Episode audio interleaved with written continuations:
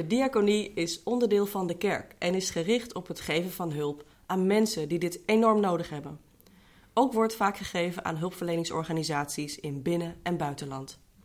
En het werk van de diaconie is gebaseerd op het evangelie van Matthäus, van het Nieuwe Testament in de Bijbel. Daar komen we later op terug. Vandaag ga ik in gesprek met Hans Pauwen, diaconaal werker van Noorderlicht. Want wat doet een diaconaal werk, werker nu eigenlijk precies? En hoe ziet een werkdag eruit? Hi, welkom bij de Noorderlicht Rotterdam podcast. Een serie gesprekken met mensen van Noorderlicht over wat het geloof voor hen in het dagelijks leven betekent. Hier is je host Jojanneke. Goedemorgen Hans. Goedemorgen. Wat fijn dat je er bent. Ja, vind ik ook. Ja. Leuk. Ja, we kennen elkaar nu bijna een jaar. En ehm, eh, het leek me heel goed om, om te kijken wat jij nou verder doet hier bij Noorderlicht. En wat je betekent voor andere mensen. Eh, want wat doet een diaconaal werken nu eigenlijk precies? Nou, een diaconaal werken die eh, werkt in dienst van de diaconie. En de diaconie is een onderdeel van de kerk. En dat, die diaconie is bijna bij alle kerken te vinden. Ehm, ik vat het vaak samen in één zin. eh, helpen wie geen helper heeft. Er zijn natuurlijk vanuit de gemeente allerlei organisaties, vanuit de burgerlijke gemeente bedoel ik, die hulp kunnen bieden. En toch zijn er vaak mensen die ook net eh, buiten de boot vallen. Als je bijvoorbeeld eh, net iets te veel verdient om nog naar de voedselbank te kunnen gaan, dan komen wij in beeld. En zo zijn er meer eh, dingen waardoor je denkt, nou, de, de maatschappelijke instellingen die schieten tekort of daar val je net niet onder. En dan kun je altijd nog bij de kerk aankloppen. Ja. Of in gesprek gaan op het moment dat je het even nodig hebt. Ja, Ja, en dat in gesprek gaan, dat, dat noemen wij dan meestal pastoraal werk. En dat is dus een verschil met diaconaal werk. Eh, soms komt het beide.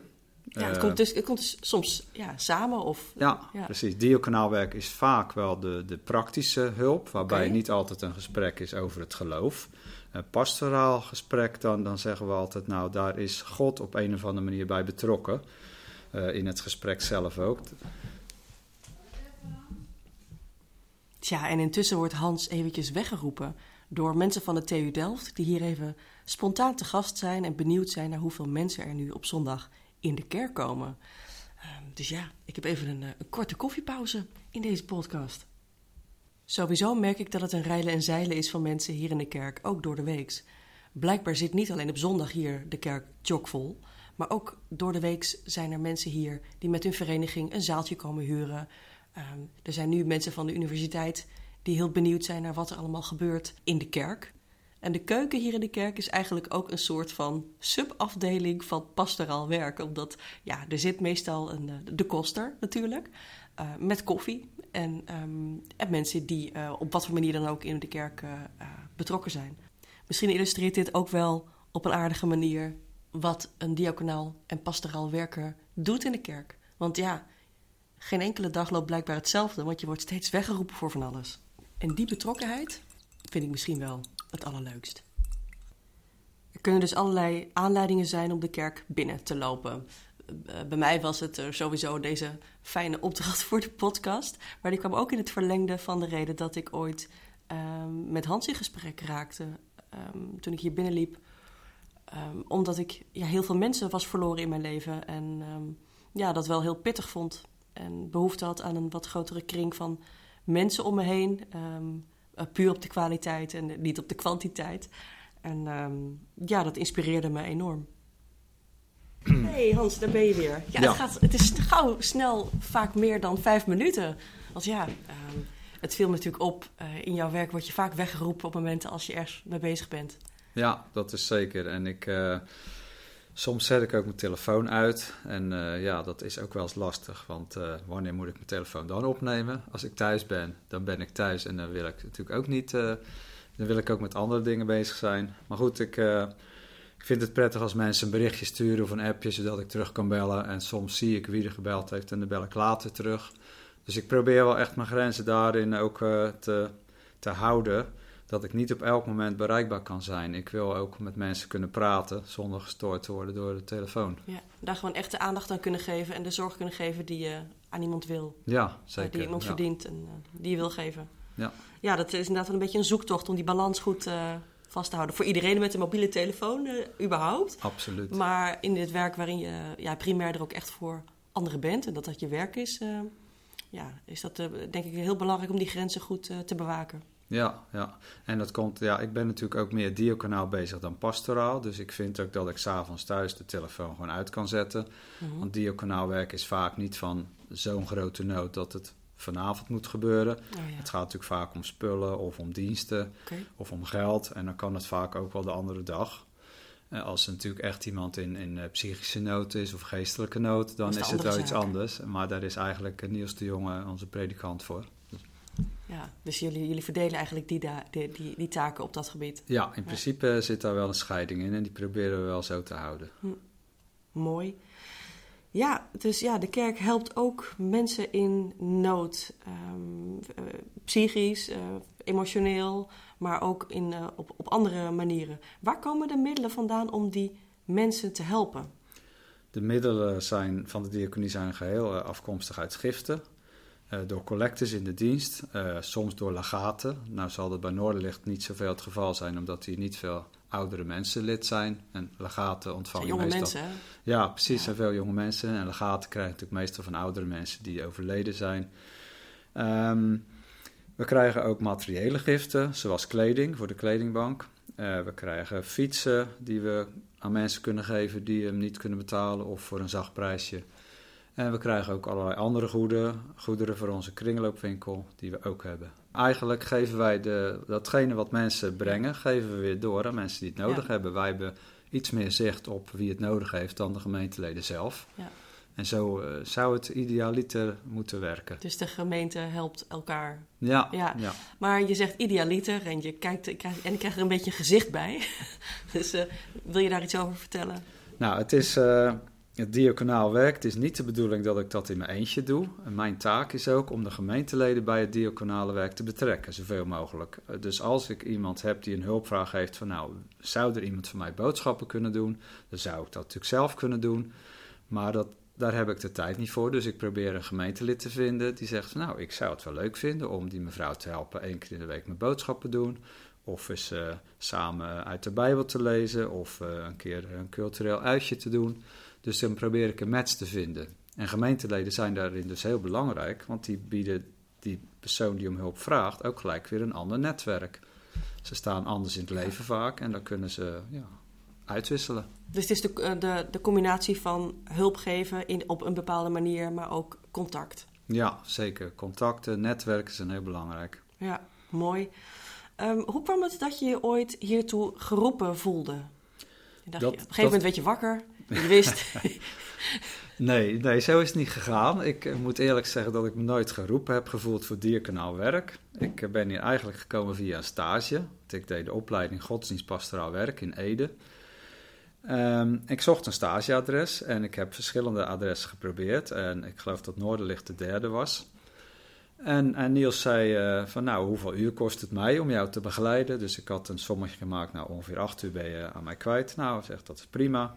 Het was eh, een missionaire opdracht om hier de, de missionaire context te onderzoeken van uh, Noorderlicht. De missionaire context te onderzoeken? Ja, een missionair is eigenlijk weer hoe de kerk naar buiten gericht is. Uh, dus gericht is naar mensen die eigenlijk normaal gesproken niet met God bezig zijn of niet met de kerk in aanraking komen. Dat noemen we missionair werk. En tijdens die opdracht uh, kwam ik ook in contact met Anna Tak, die ik uh, geïnterviewd had. Uh, en die zei van, joh, zou je het leuk vinden om ook vrijwilligerswerk te doen? Want ik gaf aan dat ik nog tijd over had naast mijn studie. En ik zei, nou, dat is goed. Ik ben toen op dinsdag de bijbelstudiegroep gaan leiden, die eigenlijk die Niels eerst leidde. En dat meestal bestond dat uit vrijwilligers. En smiddags gingen we dan klusjes doen bij mensen thuis of in de tuin onkruid wieden of de heg snoeien. En uh, nadat ik dat een tijdje had gedaan, uh, vroeg Niels uh, in het voorjaar van 2017 van... we hebben een vacature voor diaconaal werker. Zou jij dat willen doen? Nou, daar heb ik eigenlijk niet eens over na hoeven denken. Dus ik heb direct ja gezegd. Het was iets anders. Ik, ik ben opgeleid als pastoraal werker, maar goed, omdat het pastoraal werk ook wel erin terugkomt, heb ik gezegd: Nou, ik vind het zo'n leuke gemeente hier, ik ga het gewoon doen. Ja, en, en soms slaat die balans door uh, naar heel erg praktisch bezig zijn. En, en dan denk ik wel eens, ja, oké, daar ben ik toch niet zeven jaar voor aan het studeren geweest. Ja. Maar goed, eh, zoals Jezus ook de voeten van zijn leerlingen wast, vind ik ook dat ik ook dienend aanwezig moet zijn. En ik moet soms ook gewoon de handen uit de mouwen steken met, eh, met je voeten in de modder staan. Dat hoort erbij. Hm. En dat vind ik Tuurlijk. geen probleem. Ik zou wel graag willen dat de vrijwilligers, eh, de, mensen die hier komen voor hulp, eh, soms wat meer geïnteresseerd zouden zijn in het geloof en in de kerk. Er zijn er die al, al jaren hier komen als vrijwilliger, maar nog nooit in een zondagse dienst zijn geweest. En dat vind ik jammer, want ik geloof dat het woord van God eh, belangrijk is voor iedereen. En dat zij het ook zeker nodig hebben om, om te horen dat God van hen houdt en naar hun uitkijkt. Kan soms een tijdje duren. Ja, en, Ja. en, en dat en is misschien ook- ja, wel niet. Het is goed dat je dat, dat eh, zegt, want inderdaad, je moet een lange adem hebben. Soms eh, kan iemand jarenlang eh, hier zijn en, en opeens gaat het licht aan. Of opeens zien ze de waarde in van wat wij bieden of het netwerk wat ze hier ongemerkt hebben opgebouwd. Ja. Dus het is eigenlijk iets wat je mist, maar het is tegelijkertijd ook een wens. Ja, dat klopt.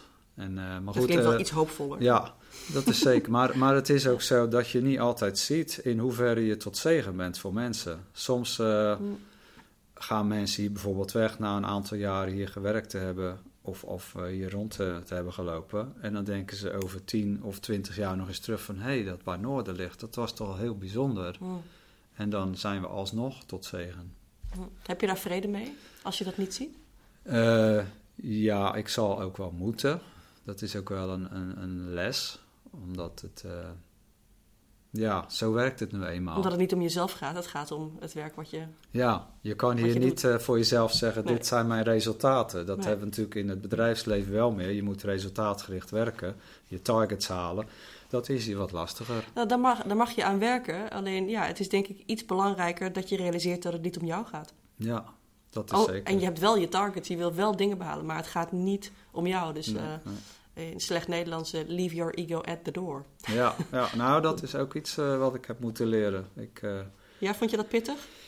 ja, pittig. Ja, het is ook al struikelend naar voren gekomen dat ik bij mezelf ook wel gemerkt heb dat ik hoogmoedig ben of ben geweest. Ik hoop het laatste, maar ik zie er af en toe nog wel wat spoortjes van terug.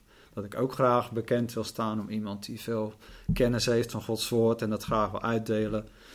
En eh, ik heb me wel in het verleden te veel op die kennis laten voorstaan, merk ik. En het is goed dat ik erachter ben gekomen dat dat niet goed is. Want Hoe ben je erachter gekomen? Eigenlijk ook eh, aan de CAE, die opleiding in Ede. Op, eh, op een gegeven moment door de, de gelijkenis van de verloren zoon. Die ik tegenwoordig, die je ook anders kunt noemen. De, de gelijkenis van de oudste zoon. Of het gaat in die gelijkenis namelijk voornamelijk om de jongste zoon die wegloopt van huis. Maar er is een oudste zoon die blijft thuis. En ik heb ontdekt dat ik daar het meest op lijk. Want ik ging op een gegeven moment neerkijken op mensen die waren weggelopen van de kerk. En ik ging altijd nog trouw naar de kerk. Dus ongemerkt merkte ik van, hé, hey, Hmm. eh, eh, ik voel me beter dan anderen. Want ik ga nog wel naar de kerk en zij niet meer. Oh, wauw. Ja. Dus dat Braaf was voor in de kerk, maar braaf ondertussen... voor in de kerk, maar ondertussen eh, neerkijkend op anderen. Hmm. Ja.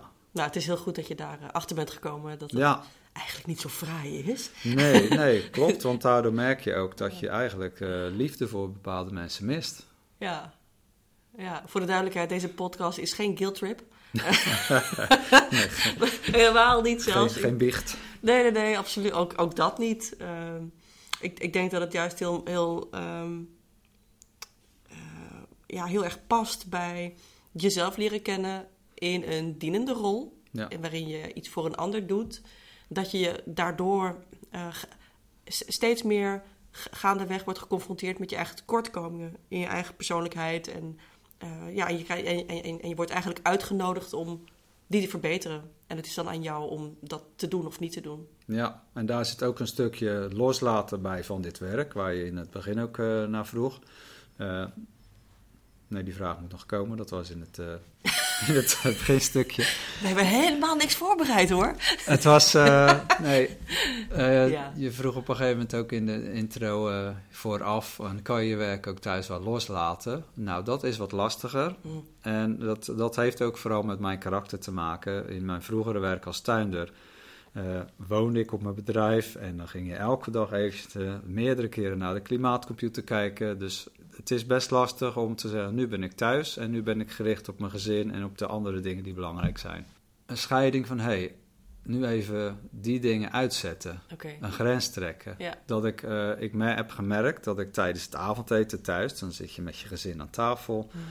En dan voeren de rest van mijn gezinsleden een gesprek. En dan uh, kom, ik over, uh, kom ik een minuut later van: hey, hoe zit het eigenlijk daar en daarmee? Daar hebben we het net over gehad. Oh, ja. Dus ik ben er fysiek wel bij, maar in gedachten ben ik dan nog met mijn werk bezig. Ja. En dat is niet prettig. Heb je toch een beetje achtergelaten? Ja, ja het, is, het is misschien uitdagend voor je gezin, maar ook voor jezelf. Ja, ja. Maar ik, uh, ik heb daar wel, uh, ik zie daar verbeteringen in gelukkig de laatste tijd. Dat ik echt bewust ben, hé, hey, telefoon gaat sowieso uit. Ja, telefoon gaat sowieso uit onder het eten. Zijn er ook verhalen uh, van mensen die al heel lang met je, met je meesleept? Gebeurt het wel eens dat je, dat, je, dat je nooit zult vergeten dat je ooit een bepaald gesprek hebt gehad... of dat je ooit een situatie hebt gezien dat je denkt, nou, dat, dat vergeet ik nooit meer? Ja, maar dat is dan niet zozeer bij dit werk, omdat ik hier pas twee jaar werk. Mhm. Maar dat is meer in privé situaties, hoe ik eigenlijk uh, in het geloof ben gegroeid, hoe ik in het leven sta. Ja, er zijn wel mensen die uh, een voorbeeld voor me zijn geweest. Mhm. In positieve of negatieve zin, waar ik nog uh, regelmatig aan denk. Ja. ja, dat zijn de lessen die je meedraagt met je. Ja. Ja, dus hoe ziet nou, um, om even over, over te stappen op iets praktisch. Hoe ziet een gemiddelde werkdag er voor jou uit? Is dat je gaat in gesprek en je wordt weggeroepen door de TU Delft en je krijgt allemaal andere dingen? Of heb je een bepaalde agenda die je gewoon kunt volgen of toch niet? Ja, er zijn wel een aantal vaste patronen. En, en één ding is dan de kledingbank hier op donderdagochtend. Dat is wel een vast ding. Daar probeer ik elke donderdag bij te zijn. Uh, die kledingbank is van half elf tot half één open. Om half tien zijn de vrijwilligers hier al aanwezig om alles klaar te leggen. En ik ben er dan aanwezig om uh, bezoekers te woord te staan als het nodig is. Uh, een woordje te hebben met de vrijwilligers.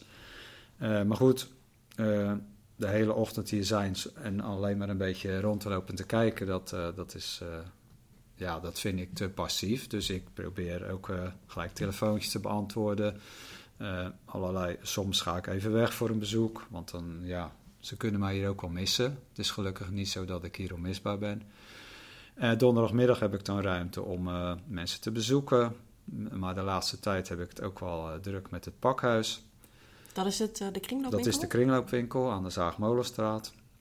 De laatste tijd hebben we best wel weinig vrijwilligers. Zo hebben we nu eigenlijk pas één chauffeur en we zoeken er meer. En die nieuwe chauffeur moet ik natuurlijk ook inwerken. dus ik ben een paar keer met hem meegegaan. En soms waren de vrijwilligers kwamen niet opdagen. En dan moet ik inspringen gewoon om te sjouwen, meubels, stoelen. En dat uh, is vooral de dinsdag daar ik, dat ik daarmee bezig ben. Maar mhm. ook dan is er uh, tijd vaak middags om klussen te gaan doen. Dat is de laatste tijd ook een beetje minder, omdat ik een vrijwilliger had, die is gestopt. Maar we gingen dan dinsdagmiddag een tuintje opknappen of een gordijnrails ophangen bij iemand of een lamp. Dus dat was de dinsdagmiddagactiviteit. En uh, dan doe ik voor de rest thuis op maandagochtend of woensdagochtend vaak nog mailtjes, appjes, allerlei dingen die ik het beste thuis kan doen.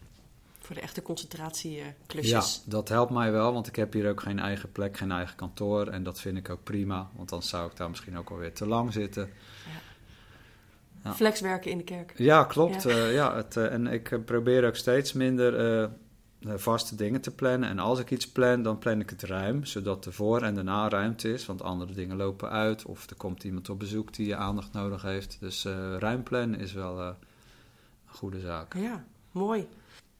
Oké Hans, ik hoor je vertellen over dat je tuinder bent geweest, dat je bij Noorderlicht werkt en dat je gestudeerd hebt. Hoe, hoe zit die timeline ook alweer in elkaar?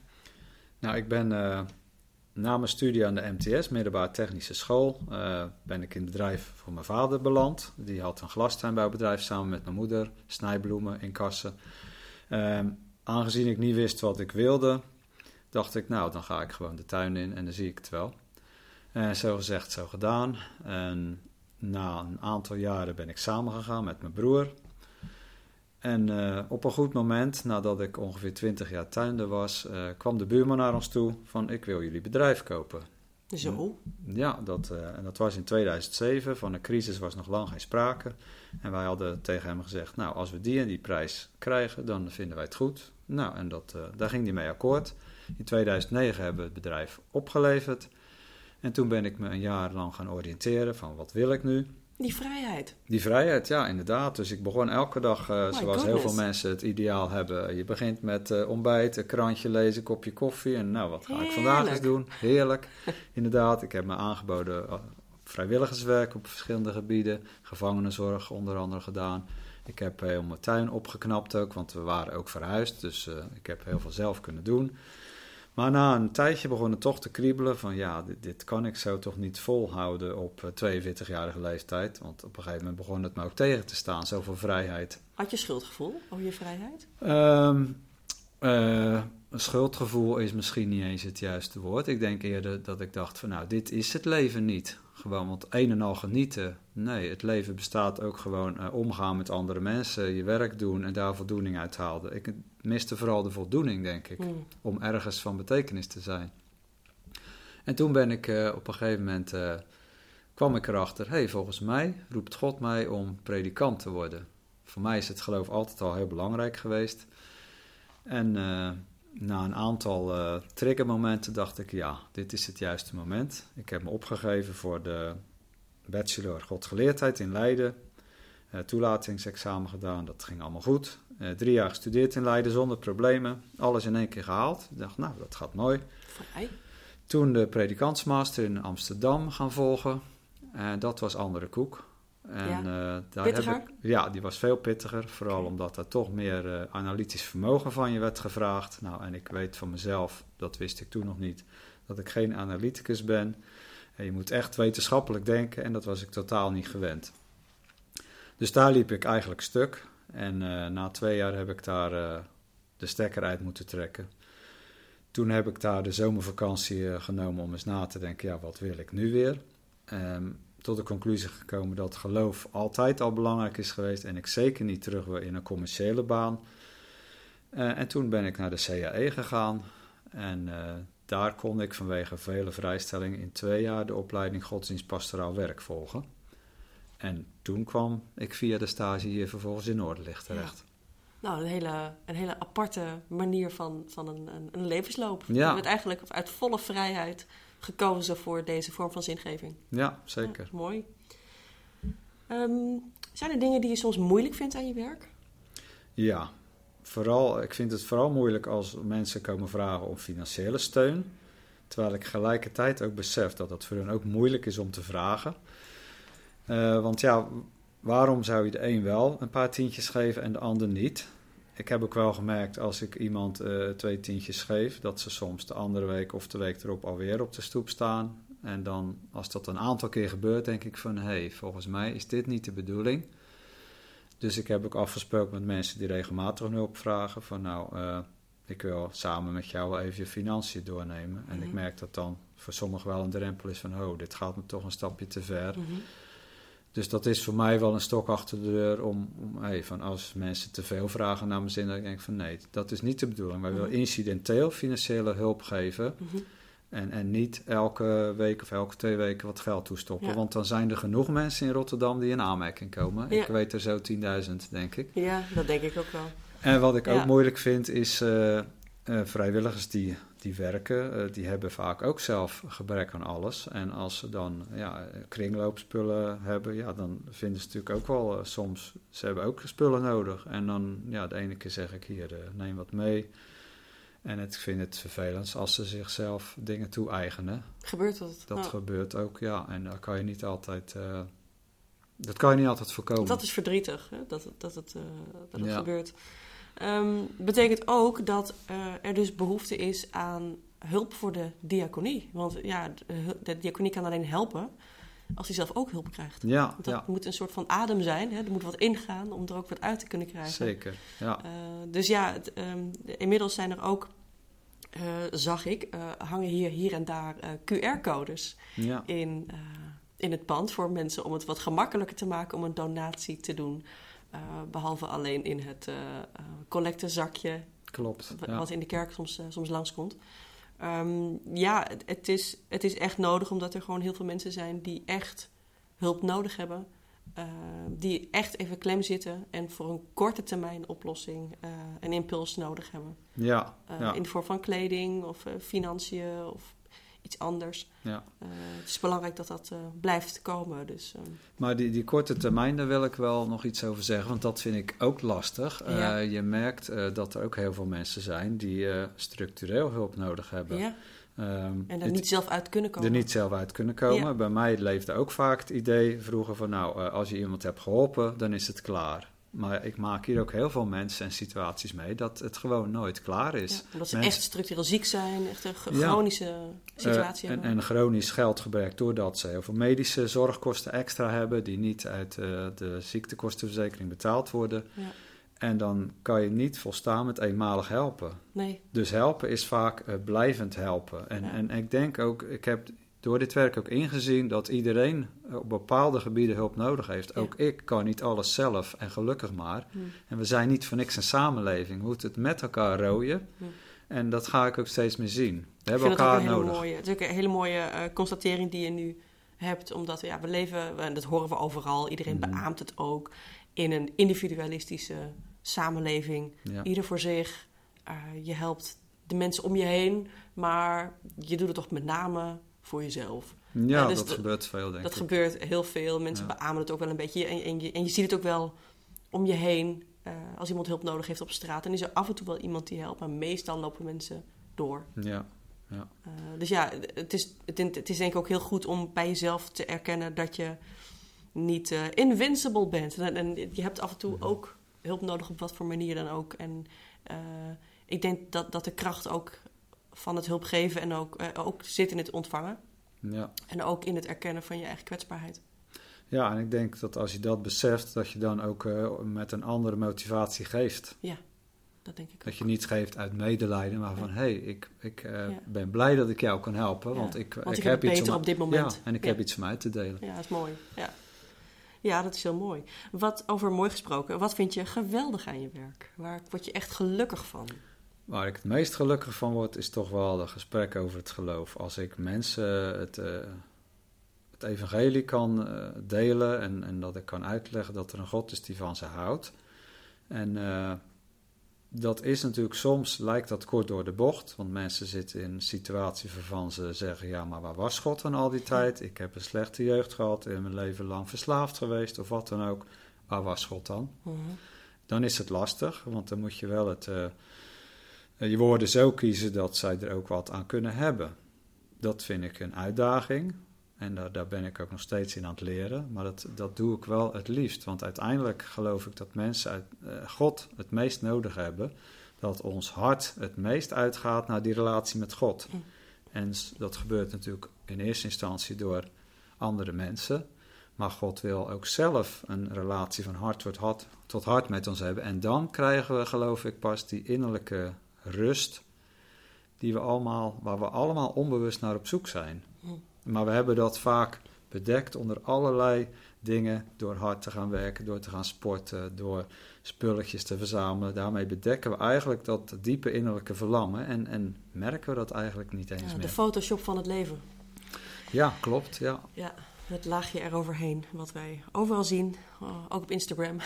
Vooral op Instagram inderdaad. Ja, ja. Eh, Trouwens, Instagram kan ook, eh, heeft ook hele mooie kanten. eh, Ja. Dus ni- niks ten nadele van Instagram, maar het is wel, de- wel een plek waar je, waar je veel het vernis eh, ziet. ja Inderdaad. zeker. Eh, ook mooie dingen, maar ook nou ja, glossy dingen waarvan je voelt, daar zit pijn achter Ja, en die wordt niet gedeeld. inderdaad. Ja. Ja, ehm, stel je voor iemand ehm, leidde een Instagram-leven en eh, voelde eigenlijk die onvrede of dat ongeluk of die leegte of verdriet of wat ook. Klopt op een gegeven moment aan, Hans doet open. Wat zeg je dan? Ik zou in ieder geval eerst eh, een gesprek willen van nou, eh, vertel eens iets over je leven. Hoe ziet je leven eruit? Waar, waar zit je mee? Waar loop je tegenaan? En dan zijn er denk ik allerlei manieren waarop ik eh, die mens eh, een, een plek kan bieden. Bijvoorbeeld een alfa-cursus. Eh, en het mooie daarvan is dat je gelijk in een groep mensen wordt opgenomen met een maaltijd erbij waarin je ook eh, kennis krijgt van het christelijk geloof. Het is dan- een introductiecursus eigenlijk. ja, introductiecursus op het christelijk geloof. Op een hele ontspannen manier, vind ik zelf. En, eh, maar goed, dat is één ding. Er zijn ook allerlei kringen in de gemeente. Voor daarna eigenlijk meer. Maar ook gewoon de zondagse dienst hier. Gewoon even een uurtje zitten, luisteren naar de preek, eh, luisteren naar, naar de woorden van God. En die gewoon over je heen laten komen. En eh, ja, kijken wat het, eh, wat het je te zeggen heeft. Ja. Nou, ik hoop dat mensen uitnodigt. En in ieder geval om ook even voorbij de Instagram filter te Ja. kijken. En, en wat betreft dat is Noorderlicht ook steeds breder aan het worden. Er is ook op woensdag een overdagkerk. Waar mensen ook gewoon voor een uurtje bezinning kunnen komen. Of gewoon een kopje soep. Die is in de Waalse kerk in centrum Rotterdam. Ja. En dat is ook een manier eh, waarop we mensen een plek willen bieden. Van hé, hey, eh, hier is rust. Hier vind je iets van God eh, hopelijk terug. En ja, ja, echt meer voor de dagelijkse plug-in. Dus één keer in de, Ja. in de week dan. Daar hebben we inderdaad ook een keer een aflevering over gehad in deze podcast. Dus Ja. kijk even terug in de rij afleveringen. Even een berichtje aan de luisteraars. Eh, als je daar interesse in hebt in het centrum van Rotterdam, kijk even terug op Spotify, want we hebben er ook een aflevering eh, over. Hans, ehm, ik heb natuurlijk even gegoogeld eh, wat diaconaal werk precies is, want ik ben natuurlijk helemaal geen expert. En ik zag daarin ook op Wikipedia, volgens mij, ehm, dat de diaconie gebaseerd is op het evangelie volgens Matthäus 25, vers 35 tot 39. Wat betekent dat voor jou? Ja dat gaat eigenlijk over, eh, daar staat in. Zullen we ik hem zal- erbij pakken? Ja, ik zal hem er even bij pakken. Daar staat in. Even kijken hoor. Ehm, nu moet ik het eventjes Even goed... scrollen eh, even scrollen. Ja, precies. Eh, nou, iPhone heb ik niet hoor. Ik heb gewoon een Samsung. Ehm, want ik had Deze honger. podcast is niet gesponsord door iPhone of Samsung. Nee, precies. Want ik had honger en u hebt mij te eten gegeven. Ik had dorst en u hebt mij te drinken gegeven. Ik was een vreemdeling en u hebt mij in huis uitgenodigd. Ik had niets om aan te trekken en u hebt mij kleren gegeven. Ik was ziek en u hebt mij opgezocht. Ik zat in de gevangenis en u bent bij mij geweest. En het bijzondere wat, wat uit dit Bijbelvers bij mij ook naar boven komt, is: het gaat hier helemaal niet om geld. Het gaat hier om goederen. Het gaat hier om gewoon mensen helpen, je in huis uitnodigen, kleding geven, wat we hier ook doen bij de kledingbank. Mensen die ziek zijn opzoeken. Ik ben gisteren nog bij iemand geweest in een verslavingskliniek. Ik vroeg van, jongens, komen er nog meer bezoekers? Nee, ik was de enige. En, en dat- ja, en, ja, precies. En dat maak ik vaker mee, dat ik de enige ben die bij iemand op bezoek komt. En, en dat vind ik heel erg, eh, ja, triest eigenlijk. Ja. Zou dat ook eh, iets zijn voor de diaconie of het pastoraal werk hier in de kerk Mhm. om daar wat meer bewustwording over te, te geven? Ja, dat, dat valt dan meer inderdaad, eh, ja, ik zeg pastoraal, maar dat is natuurlijk inderdaad alles bij elkaar. Maar eh, ja, dat zou wel heel mooi zijn. En ik heb ook wel gemeenteleden die zich daarvoor hebben aangemeld. Maar ik merk ook wel dat heel veel gemeenteleden zijn natuurlijk druk met hun eigen werk, eigen privésituatie. Dat het soms lastig is om mensen echt daadwerkelijk tijd te geven. Ja, ik zal er eens bij Rol langs gaan. ja, onder, ja, Ja. dat zou ook heel mooi zijn. Ja, Ja. zeker. Ehm, Oké, ik vond het eh, fijn om even met je te praten hierover. Want ik heb een aantal nieuwe dingen gehoord. En ehm, ik denk dat het belangrijk is dat mensen ook weten dat de kerk er niet alleen maar is om te helpen, maar is er ook om iets van jou te ontvangen. Ja, Om weer door te kunnen geven. Het is een soort ademend eh, organisme. ja klopt. En dat heeft ja. iets nodig. Dus eh, voel je geïnspireerd, voel je vooral vrij om eh, ook iets te geven. We zullen ook de QR-code op de website uh, www.noorderlichtrotterdam.nl beschikbaar stellen. Ja. Zodat je ook er iets kunt doen. Of heb je geweldige Instagram-worthy kleding over? Of, is het net van het andere seizoen? Geeft niks. Kom maar langs. Precies. En handen, handen en voeten kunnen we allemaal gebruiken. Super fijn. Dankjewel Hans. Graag gedaan. Dank je voor het luisteren naar de Noorderlicht Rotterdam podcast. Je kunt de afleveringen onder andere beluisteren op noorderlichtrotterdam.nl. Heb je een vraag die je graag in de podcast beantwoord zou willen horen? Stel deze dan via e-mail op de website. Of fiets even langs bij de kerk en geef het door. Wie weet beantwoordt de volgende aflevering dan jouw vraag. Je bent van harte welkom. Tot de volgende keer.